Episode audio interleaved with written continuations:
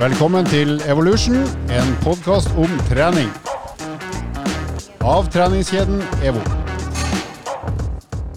Hei, hei, hei, hei, hei, hei og hei alle sammen som hører på, og alle rundt bordet. Den raske Andreas, den pene Lars, den stygge Halvor. Vi er tilbake igjen. Og spørsmålet går rett over bordet til den raskeste oss. Hva driver du med om dagen, Andreas? Du, nå blir det mye trening. Blir meget eh, med trening. Det er jo gøy når det går bra. Så når man plutselig begynner å få resultater som er bedre enn det man har hatt før, så stiger jo motivasjonen eh, ofte i taket.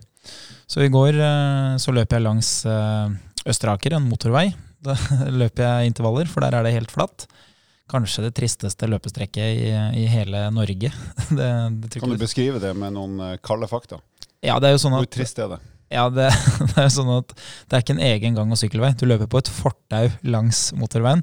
Så det dundrer noen lastebiler forbi eh, i 80 km i timen av og til. Men eh, eh, det er ikke et sted jeg anbefaler veldig mange andre å, løpe. Men fordelen er, hvis du skal få bekrefta hvor god form du er, og du ikke har tilgang til friidrettsbane, som da er helt flat og alltid riktig lengde, så er jo et sånt strekke veldig kjekt å ha. Så man bruker det som sånn type kontroll, da, at ok, så god form er jeg faktisk i. Og Hvor langt har du løpt, og hvor fort har det gått for å teste at det går bra? Eh, I går løp jeg en intervalløkt som var eh, fire ganger 2000 meter. Så da løper jeg oppvarming, og så løper jeg alt jeg kan i 2000 meter. Og så er det 90 sekunder pause hvor jeg går litt eh, rundt der jeg står. Og så løper jeg tilbake igjen, eh, og det gjør jeg da fire ganger. Så i går gikk det ganske bra. Kom meg under sju minutter på alle. Så det, det, gir en fart på ja, et sted under 3,30, som er sånn mellom 17 og 18 km i timen, cirka. Det er pent det med så kort pause.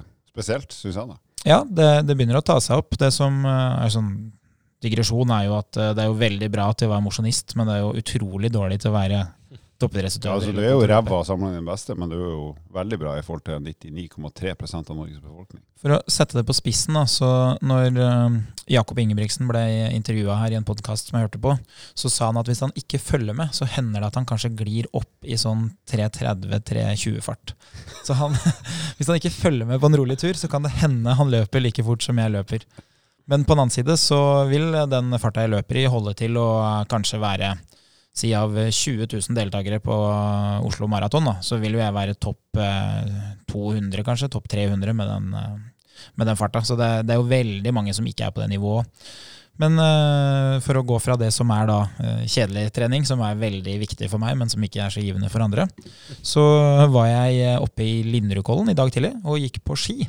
Linderudkollen er et litt penere sted i uh, Oslo, sånn hva skal vi si, nord-nordøst? Ja, Linderudkollen er egentlig, det har skilt seg ut som et sted hvor det har blitt veldig bra. De eh, kjører jo kunstene på vinteren, så det er mulig å gå på ski langt utover våren. Eh, I dag tidlig var det faktisk så bra at du kunne ha gått på tørrvoks, altså det du går på midt på vinteren når det er kaldt og, og tørt. Eh, I tillegg oppe i Linderudkollen så er det hoppbakker. Og hoppbakkene, der er det masse sånne mm, trapper. Så det er veldig populært med trappetrening på, på sommeren. Der er det også en fordel å bruke tørrvoks når du skal hoppe på ski.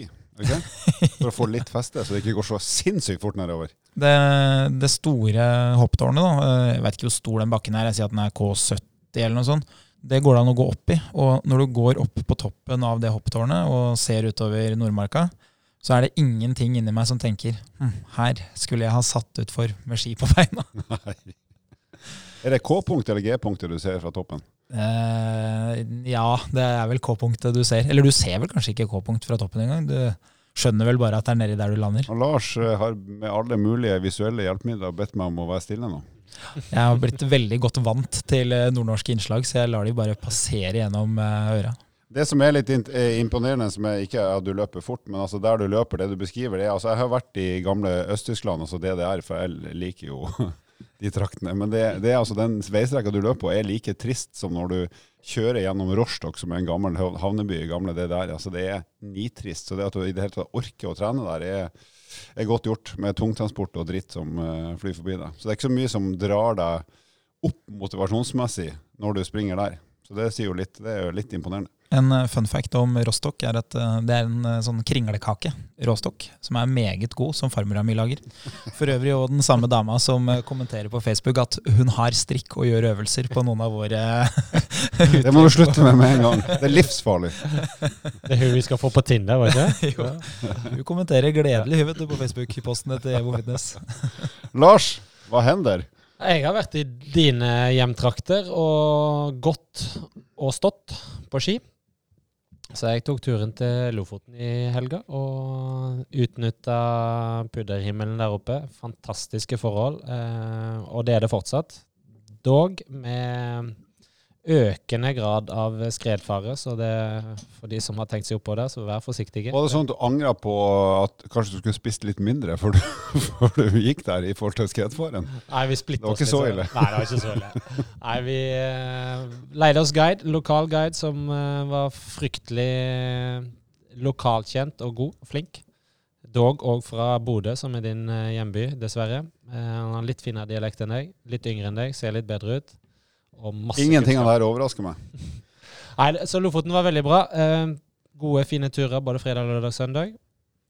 Og så, så det vil jeg på en måte prøve å utnytte siste del av sesongen. Jeg er jo glad i alt som eh, der man kan bevege seg, så jeg gjør litt av alt. En sånn jack of all trades som vi har snakka om før. Jeg klarer ikke bare holde meg til sykkel eller bare løpinga. Men jeg løper litt innimellom. Eh, ikke på de hastighetene som Andreas eh, har, men så der han løper to kilometer på en fart, så klarer jeg kanskje si 90 sekunder på noen av dragene mine. Så jeg kopierer litt eh, Ingebrigtsen-opplegg om dagen. Prøver i hvert fall noen av øktene, og se om det kan komme eller får meg i bedre form. Se om det flyr. Og så er det jo sykkel. Den eh, kommer mer og mer. Um, nå har jeg vært og henta sykkel, så nå er vi klare til, til Lillehammer. Det høres bra ut. Ja. Jeg og du skal jo tilbringe noen dager på Lillehammer neste uke. Ja. Så vi skal, som han Andreas sa i en episode her tidligere, vi skal øve på passering av Lillehammer. Og vi skal øve på hvor, hvilken bensinstasjon passer best å stoppe på, hva slags utvalg har de osv. Legge en forhåndsbestilling, kanskje. Det tror jeg kan være smart. Det finnes jo to avgjørende punkter. Altså Når man eh, sitter og hører på sånn gjennomgang i OL og sånn av langrenn og sykling, og sånn, så er det sånn avgjørende partier i løypa. Og Jeg vil jo påstå at de to avgjørende partiene på eh, Trondheim-Oslo, det er én når du kommer til det krysset hvor du må velge mellom å ta til venstre rv. 3 Østerdalen eller kjøre rett fram over Oppdal. Hvis du er litt smart, ta til venstre. Yes. Mens resten sykler rett fram. Da, spa, da sparer du Sparer du fire mil. Og så det andre, det er når du kommer til Lillehammer, velg riktig side av Mjøsa. altså det, det er mye kortere på vestsida enn det er på østsida. Det, og det er flatere òg. Det er det òg. så vi får bli litt kjent opp i området der, og så får vi se om vi Ja. kom, kommer oss Vi kan jo sykle tur-retur Trondheim fra Lillehammer, da. Ja, Det hadde vært noe. Du veit at uh, Alf Prøysen sa jo det. Det er samme hvor i verden jeg bor, bare jeg ser Mjøsa. For øvrig bodde han i Nittedal nå. Alf Prøysen var jo en løk. Han drev ikke med idrett i det hele tatt. Jeg har ikke gått på ski, jeg har ikke stått på ski, men jeg har sykla til ski. Og med det elendige ordspillet så skal vi eh, straks over til dagens tema, som eh, er ganske interessant. Jeg forsker på styrketrening for kvinner som skal ned i vekt, og mer om det meget snart.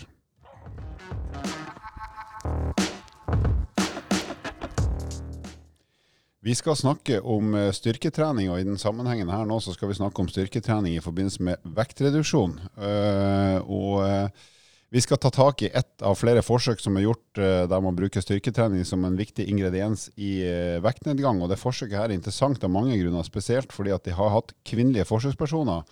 Og det er dessverre sjelden i forskning på idrett og egentlig mye annen forskning at det er stort sett mannlige forsøkspersoner. Så det er kult at det gjøres forskning også på damer, for dere er jo minst 50% av jordas befolkning, så, så det liker vi. Eh, skal jeg si noe, skryte litt av en, en, en, eh, noen på Instagram som heter Human Performance, som legger ut veldig mye interessant treningsstoff og folkeliggjør det sånn at det er lett å forstå. Så her har vi henta ut en del informasjon om det forsøket, pluss at vi har lest selve studien fra Human Performance. Så er du glad i trening, så kan det være lurt å følge de, for de er rett og slett flinke til å komme med nyttig treningsinformasjon som er godt fundamentert. Dagens fremsnakk. Ja. og det blir med det. Men jo, nå skal jeg forklare litt hva som har skjedd i det her eh, styrketreningsforsøket. For det utgangspunktet er at du har hatt en del damer som man skal teste effekten, eller ulike måter å gå ned i vekt på. Så de damene har blitt delt inn i fire grupper. Den kjedeligste gruppa er de som havner i det vi kaller kontrollgruppa. De skal da egentlig fortsette å leve som før. Og Forsøket varte da i åtte uker, så da lever de akkurat som de har gjort før, med ikke noe endring i kosthold, ikke noe endring i trening. Og så har du ei gruppe som kun gjør endring på kostholdet, sånn at den gruppa der, den inntar i gjennomsnitt ca. 1000 kalorier mindre enn det som er det beregnede energibehovet per døgn. Så det er ganske mye. Altså en betydelig eh, reduksjon av matinntak. Den tredje gruppa de skal kun trene styrketrening. Altså skal ikke forandre på kosten, de skal kun trene styrketrening.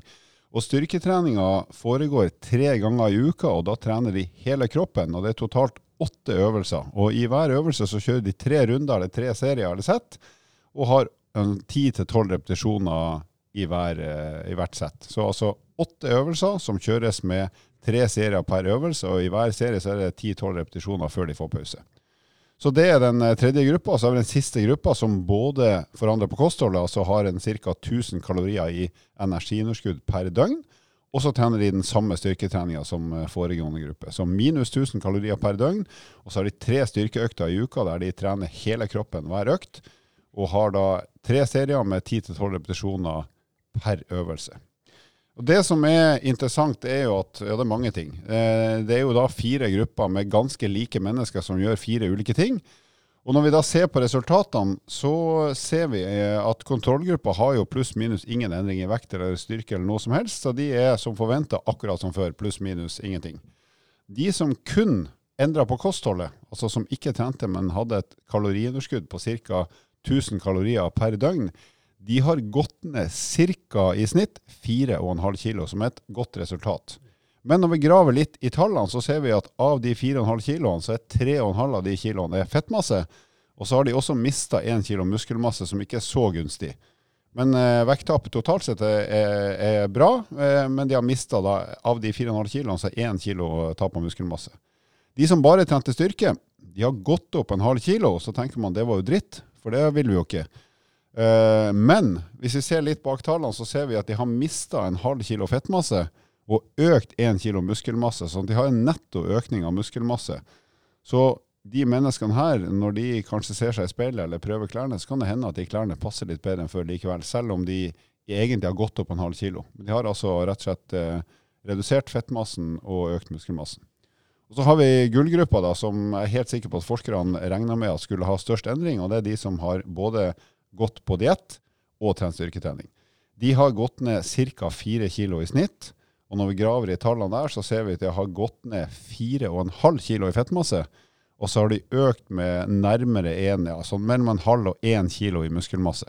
Så det er også netto økning i muskelmasse, og, og egentlig hele, hele vekttapet isolert sett er tap av fettmasse.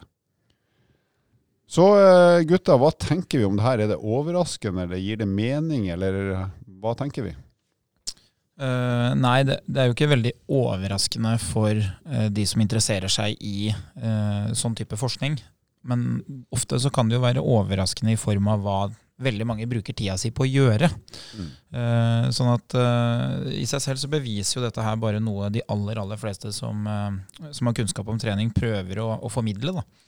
Uh, en av de tingene som jeg har erfart uh, gjennom mange av de PT-timene jeg har hatt, det er at uh, spørsmålene som jeg får, de er kun basert på at man ønsker svar. Det er ikke alltid at man ønsker forståelsen. Så når folk spør liksom, hva er best, så trenger de ikke å vite hvorfor det er best. De vil bare vite hva er det jeg skal gjøre. og det var jo i starten litt irriterende for meg, for jeg var jo veldig glad i hvorfor. Men jeg har jo lært meg at det er bedre at jeg sier hva de skal gjøre, og så kan jeg heller komme med hvorfor i takt med at de får økende forståelse. Så en av de tingene som eh, vi kan gjøre, da, det er jo bare å oppsummere det du raskt sier her, for det er en veldig god eh, forklaring. Det er jo da at eh, hvis du skal rangere de ulike gruppene, da, de fire ulike gruppene, så er diett, altså at du får en restriksjon på inntak av mat, og du får litt for lite næring, i kombinasjon med styrketrening, det er uslåelig. Da går du ned i vekt, du går ned i fettmasse, og du går opp i muskelmasse. Mens hvis du bare trener styrketrening, så kan det godt hende at du går litt ned i fettmasse. Du går opp i muskelmasse, det skulle bare mangle, for du trener jo styrke. Og så eh, kan det godt hende du går litt opp i vekt. Og det er jo litt sånn spesielt, ikke sant? og det er jo noe jeg har fortalt mange av mine kunder, at når du går på vekta hjemme nå, så kan det hende du er tyngre. Men det kan godt hende at det er fordi du har mer muskler og mindre fett. Og vi vet at muskelmasse tar mindre plass enn fettet. Så kroppen din vil bli mindre, men vekta vil bli høyere. Og det er jo litt spesielt, fordi de fleste tenker at ja, men jeg vil ikke bli større. Nei, men du blir ikke større. Altså Vekt det handler bare om hvor mye tyngde det er eh, i den kroppen du har. Innenfor huden. Vi, vi snakka jo litt med det med Benjamin, jeg var ikke her da, men eh, altså på en måte myten rundt det å kvinne og trene styrketrening eh, henger jo litt sammen med dette med tanke på at man er redd for å eh, bli veldig tung. Eh, mens man visuelt bare endrer litt uh, utsjånad, kan gjøre, uh, ved å få endra den sammensetningen fra mm, fett til muskler. Og det eller, Brystløft det inkluderer ikke i den uh, styrketreningen der, Alvor, men, eh, men eh, det som er poenget, er at man eh, ikke skal være redd for å inkludere styrketreninga inn i treninga, for den kan være eh, ekstremt viktig i forhold til reduksjon, fordi man òg tenker litt på, eh, på knokler og ledd. Så man òg kan få problemer hvis man går for raskt og for mye ned i vekt uten å måtte belaste skjelettet. Og da i etterkant kan man få problemer både i forhold til eh, osteoporose og en del andre eh, type sykdom eller lidelse som kan bite litt i ræva. Så si sånn. egentlig, hvis vi skal være veldig tydelige i et råd som gjelder vektreduksjon, så er det alltid smart å legge inn i hvert fall en viss mengde styrketrening, uansett om målet er å gå ned litt eller mye vekt, for fordi at det gjør deg mer robust. Ja. Og sannsynligvis så kommer du til å øke muskelmasse nå, og det er aldri feil. og Det er ikke noe å være redd for. For du legger ikke på deg 20 kg muskelmasse, men kanskje en halv, en, en og en halv kilo, som, som egentlig bare gjør deg godt. Eh, både jeg, visuelt og funksjonelt. Ja, og Vi skal jo prate om kvinner her, og det er jo det som er tatt opp her. Men man har jo òg eksempel på menn også, som selvfølgelig bør ha styrketreninger med i, i vektreduksjonen.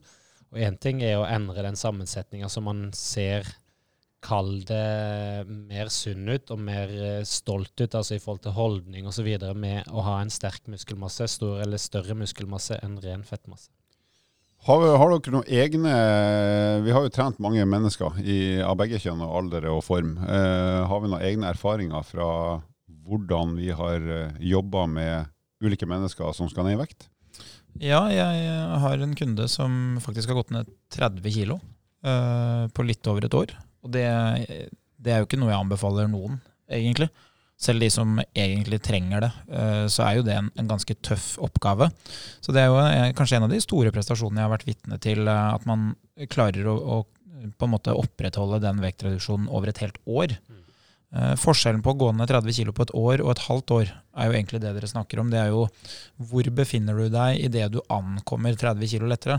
Hvis du har trent gjennom et helt år, så vil du være i langt bedre form enn om du skal begynne å trene, som gjør at det er fryktelig mye enklere å opprettholde riktig kroppsvekt.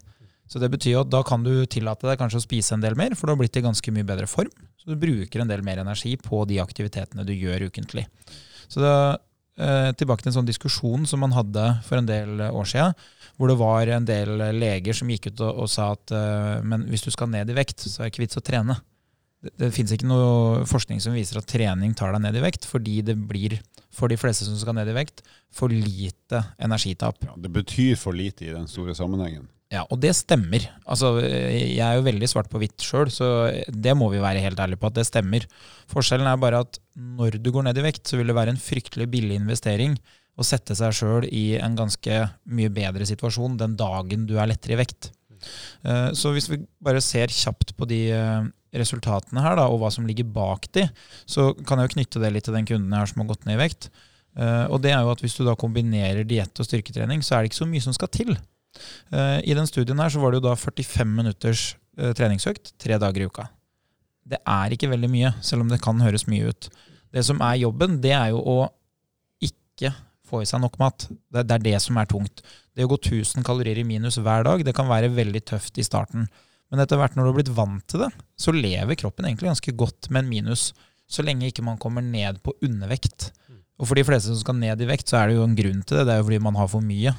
Uh, og vi anbefaler jo absolutt ingen å gå ned i vekt hvis man er normalvektig, så det er jo for overvektige. Og bare for å skyte inn, De har jo fått et næringsinntak som dekker alle, alle behov for næringsstoffer i den studien. De har bare, hvis du skal si det litt banalt, de har kutta ut det ekstrainntaket som man kanskje tillater seg i en hverdag.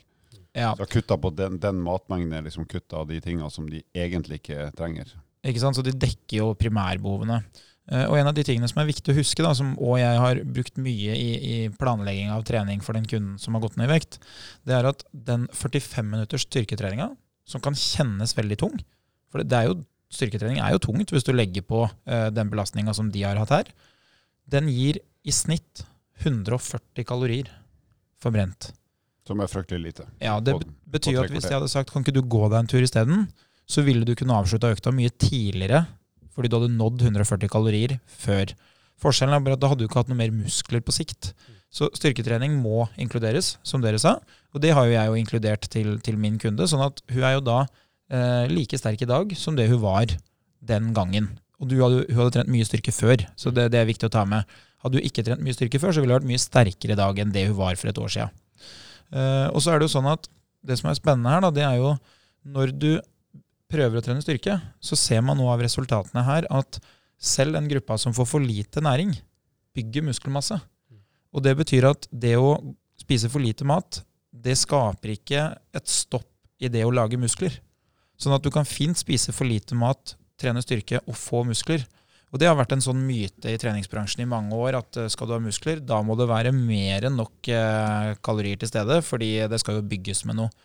Men det man har sett i, i senere år, da, det er jo at det å bygge muskler, det handler egentlig bare om belastninga. Hvis det du gjør i dag er tyngre enn det du gjorde i går, så får du mer muskler. Eh, problemet hos eh, mann eh, 30 år som trener styrke seks dager i uka, er jo at mest sannsynlig så vil det være sånn at hvis du får 1000 kalorier for lite i forhold til hva du trenger, så vil du bli så sliten at du vil ikke kunne trene på et tyngre nivå, fordi nivået ditt allerede er veldig bra. Mm. Og Derfor er det veldig lite gunstig for godt trente å gjøre det. Og Det poenget der er litt viktig å gjenta. For det du sier er at, og det vi ser her, eh, det er at eh, du kan altså være i energiunderskudd. altså Du kan gå ned i vekt, men likevel både bli sterkere og øke muskelmassen. Og Det harmonerer jo også med forskning fra Idrettshøgskolen, der og Therese Fostervold, som er en meget dyktig forsker, eh, hun er vel tror hjemme har tatt doktorgrad nå, fant jo akkurat det samme. Altså, eh, Folk som går ned i vekt, er fullt kapabelt til å øke muskelmassen. Eh, og da forsker vel hun også på folk som i utgangspunktet er det vi kan kalle normale mennesker, som ikke er i kanonform og har en enorm muskelmasse i utgangspunktet, som jo er de fleste av oss. Så det, det er et viktig poeng å ta med seg. At eh, du må ikke være energiunderskudd nødvendigvis for å kunne øke muskelmassen og bli sterkere. Og så er det jo en liten ting, selv om vi har vært inne på det, hvor mye en ekstra muskelmasse gir i forbrenning, så er jo den minimal eh, i forhold til ekstra. Men følelsen av, eh, av at man føler seg sterkere, og eh, både i forhold til holdning og i forhold til energi, styrke i hverdagen, den er uvurderbar, eh, under, nei, eh, uvurderlig. eh, I den forstand. Derfor tror jeg den nøkkelen er å kombinere de to tingene. Så et liten, en liten kommentar til det, et poeng vi snakka om før, det her med at du kan eh, ser, altså Du øker i vekt, men det skjer ting med kroppssammensetninga, det er ikke alltid like lett å forstå det som vanlig person. Så hvert fall når jeg har trent folk som skal ned i vekt, så har jeg enten brukt eh, målebånd for å kunne vise i centimeter at det skjer kanskje noe rundt eh, midjen, hofte, eller aller helst en sånn kroppsanalysevariant der du faktisk får en ganske nøyaktig beregning av hva slags hvor mye muskelmasse og fettmasse du har på ulike deler av kroppen, sånn at kunden eller mennesket jeg trener sjøl ser at ok, jeg har gått opp 100 gram de siste to ukene, men vet du hva, det er jo primært muskelmasse som er økt, og fettmasse har likevel gått ned. Så man ikke blir bare fokusert på det her kilotallet, for det, det kan ofte være ødeleggende for å rett og slett få en bedre fysiologi og en mer funksjonell kropp. Det, det som er spennende da, er jo egentlig hvis du kombinerer de to tingene dere sier. Lars eh, påpeker jo veldig godt her at hvis du blir sterkere, eh, så vil du jo føle deg bedre. Du vil få bitte litt høyere forbrenning. Eh, og en del studier viser jo også at hvis du, hvis du blir bedre trent, så vil du mest sannsynlig òg være mer fysisk aktiv. Så at man får en synergieffekt hvor man får mer hverdagsaktivitet, mer trening. Så bare ved å bli i bedre form, så kan man forvente at det blir mer forbrenning av det gjennom bevegelse. Uh, og når du da snakker om det, Halvor, at, uh, at man kan bruke f.eks. et målebånd da, for å se på at man har uh, gått i riktig retning, selv om eh, man egentlig kanskje veier det samme, så er det veldig morsomt at eh, når man ser på de inngående studiene, og det gjelder òg i den studien her, så selv om den ene gruppa som trente styrke, eh, hadde mer muskelmasse, mens den gruppa som gikk på diett og trente styrke, ikke hadde like mye økning i muskelmasse, så ble de like sterke.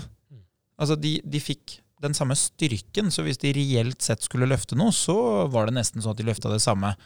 Og det er jo litt spesielt at du egentlig kan da uh, bli mindre i volum. Altså du, du, er en mindre utgave av deg selv, men du er faktisk blitt like sterk som om du bare hadde droppa å gå ned i vekt.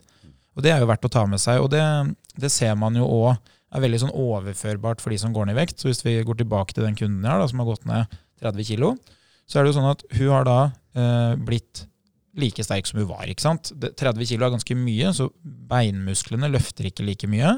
Eh, overkroppen er heller ikke like sterk. Tenk deg hvor mye vekt hun egentlig har båret når hun har båret sin egen kropp.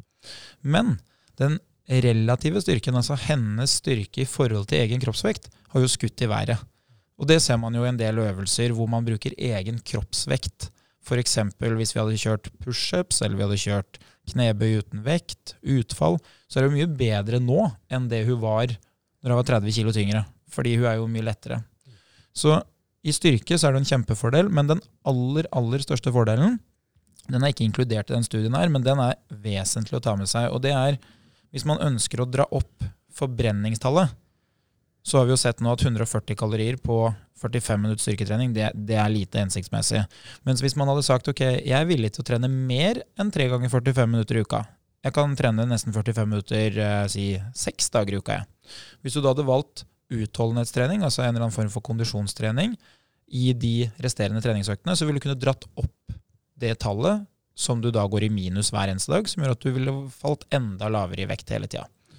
Og den kunden som jeg har hatt, der har vi hatt veldig fokus på løping. Det er jo noe som interesserer hun, noe som interesserer meg òg, så det er jo veldig kjekt for meg. Til en viss grad.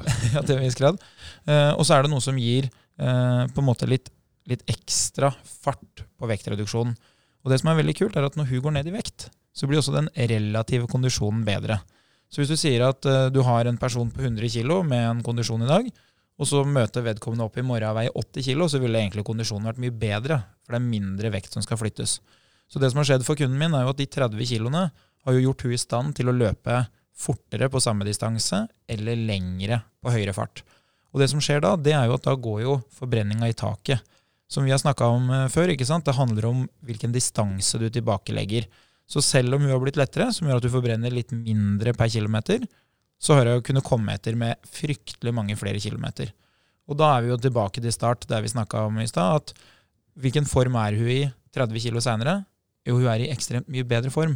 Som gjør at vi på et eller annet tidspunkt, når vi sier at ja, nei, nå har vi truffet riktig vekt, nå må vi spise litt mer mat så ikke vi fortsetter å gå ned i vekt, så kan du få lov å spise mer mat fordi du blir jo bedre form hele tida. Og det er veldig kjekt. da. Eh, det var faktisk relativt kloke ord, Andreas. Eh, du har det, det er manusbasert, så du leser jo bare opp. Men allikevel, det hørtes bra ut. Eh, da skal vi avrunde det her med at han Lars, som har trent styrketrening og utøvere på høyt nivå og lavt nivå, kommer med sin klare anbefaling til hva hva slags styrketrening, hva slags øvelser og måter å gjøre det på vil du sagt er smart uansett hvis du skal ned i vekt? Altså Som bør være en integrert del av en vektreduksjon som skal gå bra? Ja, Nå fremkommer det ikke i den studien eller så, så tydelig hvilke øvelser de har gjort der, annet enn det var de åtte øvelsene. Eh, men det som bør ligge til grunn, er at man involverer de største muskelgruppene, eh, både i underkropp og i overkropp. Og selvfølgelig da de som er med på forsida, og de som er på baksida av kroppen vår. Og men det til grunnlag så bør eh, øvelser som involverer flere ledd samtidig, altså det som vi omtaler som flerleddsøvelser, litt mer komplekse øvelser, være en del av et, et sånn type treningsprogram. Og vi har jo nevnt mange øvelser før. Eh, jeg kan nevne noen, altså knebøy, utfall som Andreas sier, eh, markløft f.eks.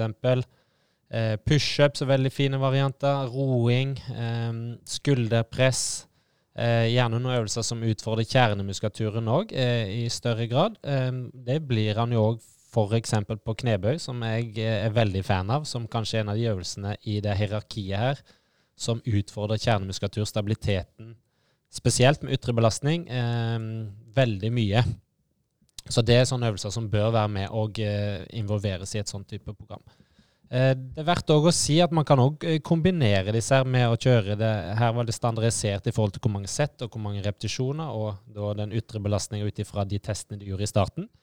Eh, men man kan òg kjøre det i et type sirkeltreningskonsept, altså med å da jobbe litt mer på f.eks. på tid eller på antall repetisjoner, og så har man så og så lange pauser. Og da få jobbe litt mer òg med hjertepumpa, så man kan involvere begge deler, selv om kondisjon eller spesifikk kondisjonstrening kanskje for de fleste vil være enda mer effektivt. Men en fin kombinasjon, og da, hvis man ikke har eh, tid eller, eller kapasitet til å kjøre så mange økter per uke, så kan man f.eks. involvere én sånn økt i uka, hvor da kondisjonen blir involvert sammen med styrketreningen. Ja. Og i en sånn sirkel så kan du f.eks. ha annenhver stasjon er styrkeøvelse, annenhver stasjon er en kondisjon, ren kondisjonsaktivitet. Det går jo også an. Ja, da får absolutt. du jo smelta alt sammen. Da får du smelta alt sammen. Jeg eh, kan gi en lite eksempel på sånn økt. Jeg hadde en kunde i går så der vi gjorde en sånn type økt, der vi jobba fire minutts eh, fire minutter eh, arbeidsperiode, og så hadde vi to minutter pause. En typisk fire ganger fire. Det involverte Vi hadde en stakemaskin hvor vi jobba i antall repetisjoner. Dvs. Si vi tok på kalorier, så det blir en repetisjon ca. Så er det ti kalorier, så er det ti eh, air squats, altså bare knebøy opp og ned, ti pushups og ti kettlebell-sving. Og så begynte man på nytt igjen. Så jobba man sammenhengende i fire minutter. Og da rakk vi ja, to og en halv runde, og så hadde vi to minutter pause der han bare gikk litt rundt og pusta litt. Og så begynte vi på nytt igjen med nye fire minutter og nye tre eller fire øvelser, avhengig av eh, hvor komplekse de er. Så vi hadde roing, og vi hadde eh, sykkel på ene, som var sånn rene kondisjonsstasjoner. Så vil jeg gjerne fremsnakke noe, da, hvis vi først er på fremsnakkeepisoden her. Og det er hvis man eh, ikke har trent veldig mye alternative øvelser, siden man bare har gått f.eks. og sykla, så er det jo sånn at for de fleste så vil romaskin, staking, altså skigåing, da, det vil jo sørge for en ganske god utvikling av styrke i overkroppen. Så for de fleste så vil det være sånn at hvis du skal være beint ut kynisk, så kunne du trent styrke med tunge øvelser, mye involvering av bein. Så kunne du egentlig ha rodd, du kunne ha gått på ski, og så hadde du egentlig fått en veldig god utvikling. Sånn at uh, det er ikke nødvendigvis sånn at selv om apparatet uh, går inn under kategorien kondisjon, så trenger det ikke å være sånn at det ikke gir noen muskelutvikling i det hele tatt. Dere har jo sett hvor svær ryggen min ble de tre årene jeg drev med staking, har dere ikke det? Jeg kunne jo ikke gå i motvind til slutt, for jeg bare fløy. Sidelengs inn døra. Jeg ble kalt albatrossen pga. mitt enorme vingespenn. Kunne du ikke bare snu deg, så fikk du medvind? Da kommer det en lyd.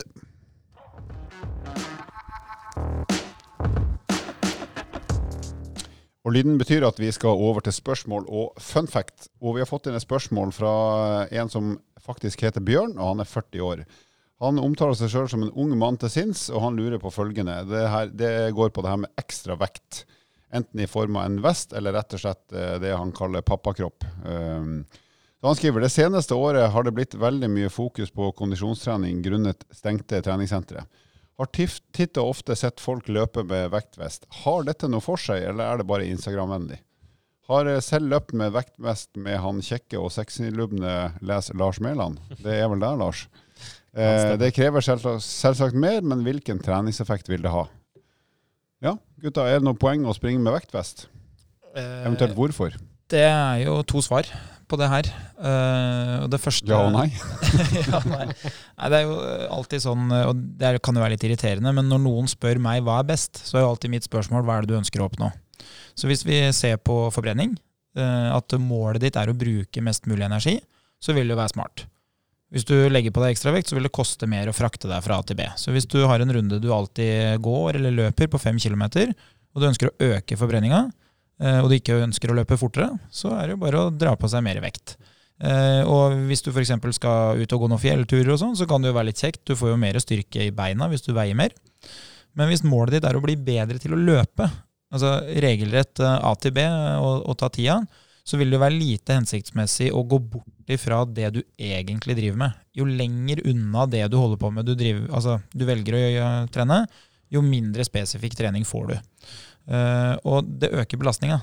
Så hvis man skulle ha valgt, så ville jeg sagt at eh, man skulle tatt av seg vektvesten. Nå er jo ikke det fysisk mulig, men hvis man skulle ha valgt mellom å bli en vektvest tyngre eller en vektvest lettere når man driver med løping, så ville man jo kanskje tatt av vektvesten og fått litt lettere belastning på beina av og til. Så eh, jeg ser jo at det er blitt veldig populært, men i løping så er det så enkelt, så du kan løpe fortere. Så alle kan bare velge å gire opp én eller to kilometer i timen, så får du samme effekt. Og, og redusert skadebelastning òg, egentlig, pga. støtbelastninga, som jo blir tyngre med mer vekt. Ja, så hvis du hadde drevet med crossfit f.eks., så skjønner jeg jo at uh, prinsippet er veldig bra, og, og det er jo forstående i en, en konkurransesituasjon at uh, ja, vi legger på fem kilo, så blir det jo litt dritt for absolutt alle. Og, og det er helt fair. Men hvis du skal løpe, så det, det vil ikke være noe problem å øke belastninga. Det vil bare være løpet fortere eller lengre. Altså, jeg ville ha sagt det. I den grad hvis du skal bruke vektvest og det skal være smart, et smart valg, så vil det være hvis du i utgangspunktet ikke løper, men går når du skal trene eller er i bevegelse. For da er støtbelastninga ganske begrensa. Så om du går med en vest som gjør deg fire-fem kilo tyngre, så går det helt fint. Men å drive og løpe med ekstra kilo i forhold til det du egentlig bærer på, det er sannsynligvis litt mindre smart, og rett og slett dummere enn å heller øke farta. Eller løpe bitte litt lenger. Jeg har vært med på noen av disse turene, og det skal jo sant sies. eh, Bjørn, 40 år, er ca. 10 cm høyere enn meg og 10 kg tyngre ca. Så når jeg har hatt på vektvest, så har vi gått i, fint i motbakka for å holde pusten og pulsen såpass lavt. Ja, så du har egentlig gjort det for å korrigert for hans dårlige form. Kanskje. Ja. Nei da, jeg er ikke noe bedre for Han er, vi er ca. på like, likt nivå hva kommer til form, men da har vi i hvert fall fått eh, det samme utgangspunktet. Sånn i utgangspunktet, og så har vi løpt òg mye terreng, så jeg syns det er gøy å teste kroppen litt og se litt hva man kan gjøre. Og så er det jo ikke det spesifikke målet, det er jo det som er veldig viktig å få frem her. Du er en sånn fyr som hadde lagt på deg hvis eh, kjerringa ble gravid, bare for å være liksom solidarisk. Bare gått opp en 20 kilo bare for å være grei, liksom. Og så hadde du Oi, shit. eh, Etter en fødsel så tar det litt lengre tid. Jeg, har- Men, jeg men tror eh, jeg du er såpass grei at det hadde du gjort, jeg tror er jeg. så snill. Så, um, Det er ikke, det er ikke jeg. jeg Nei, du har jo gått ned i vekt. Hun løper jo som om det er siste gangen i livet. Det er verdt å si òg, altså de første årene mitt, eller første året med alpin, så gikk jeg opp 11 kilo eh, fra september til april. Ganske få måneder, men det, det handler jo om inntaket. og Jeg, jeg jobba jo da med utøvere hvor eh, satt liksom flåsete sagt, altså fett til fart for dem. Men det, jeg tok det også bokstavelig, eh, vel å merke. Men jeg trente opp mye styrke i den perioden og løp litt grann mindre. Det var den ene sesongen jeg nesten holdt følge med deg på 1000 meter, tror jeg faktisk. Helt seriøst. Og da Lars lærte seg at han må korrigere for stolheis. Ja, for det, det var også når du merka at stolheisen gikk saktere når du skulle opp. Det var da du egentlig tok eh, hintet. Da tok jeg hintet. Men eh, tilbake til vektvest. Alle de som hører på, som har vektvest, eller som bruker et eh, hjul etter seg f.eks. Altså et dekk, da. Som det er jo dekket. Du, det er ikke så mange som har med felgen. Felgen er ikke ved. Men til alle de som trekker et, eh, et dekk etter seg f.eks., eller som har en sekk. Hvis målet er at du skal bli tøffere på en eller annen måte, at du skal tåle at det skal være litt verre, så støtter jeg det. Hvis målet er at du skal bruke flere kalorier på det du driver med, fordi du har lyst til å fortsette med det du driver med, så støtter jeg det. Og hvis det er en, eh, en type metode for å prøve å kompensere for litt fravær av styrketrening, så støtter jeg det. Mm. Mens hvis målet ditt er å løpe fort på Holmenkollstafetten eller Oslo Maraton eller et, et løp, så ville jeg ikke brukt så mye tid på å drive og korrigere kroppsvekta. Da ville jeg heller korrigert med økende fart eller økende lengde. Da ville jeg faktisk heller løpt med redningsvest. ja, Det til hadde hjulpet. tilfelle du ramler utafor på 500 kilen.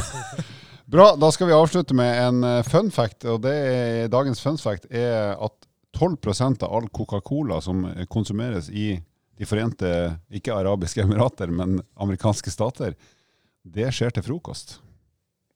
Av en eller annen skuffende rar grunn så ble jeg ikke overraska over det. Det er jo litt trist. Tenk deg hvor mange liter coca som eh, drikkes rundt amerikanske frokostbord. Det er jo Og det er sannsynligvis på en takeaway-restaurant òg, så du har vel slengt i deg pannekakene og Big Macs og greier òg sånn i sjudraget, for Ja, å toppe det. Jeg leste en annen forskning opp, på litt i den eh, kategorien der. Nå husker jeg ikke tallene, det kan jeg sjekke opp, men, eh, men det går på eh, kunnskapen rundt et McDonald's-måltid.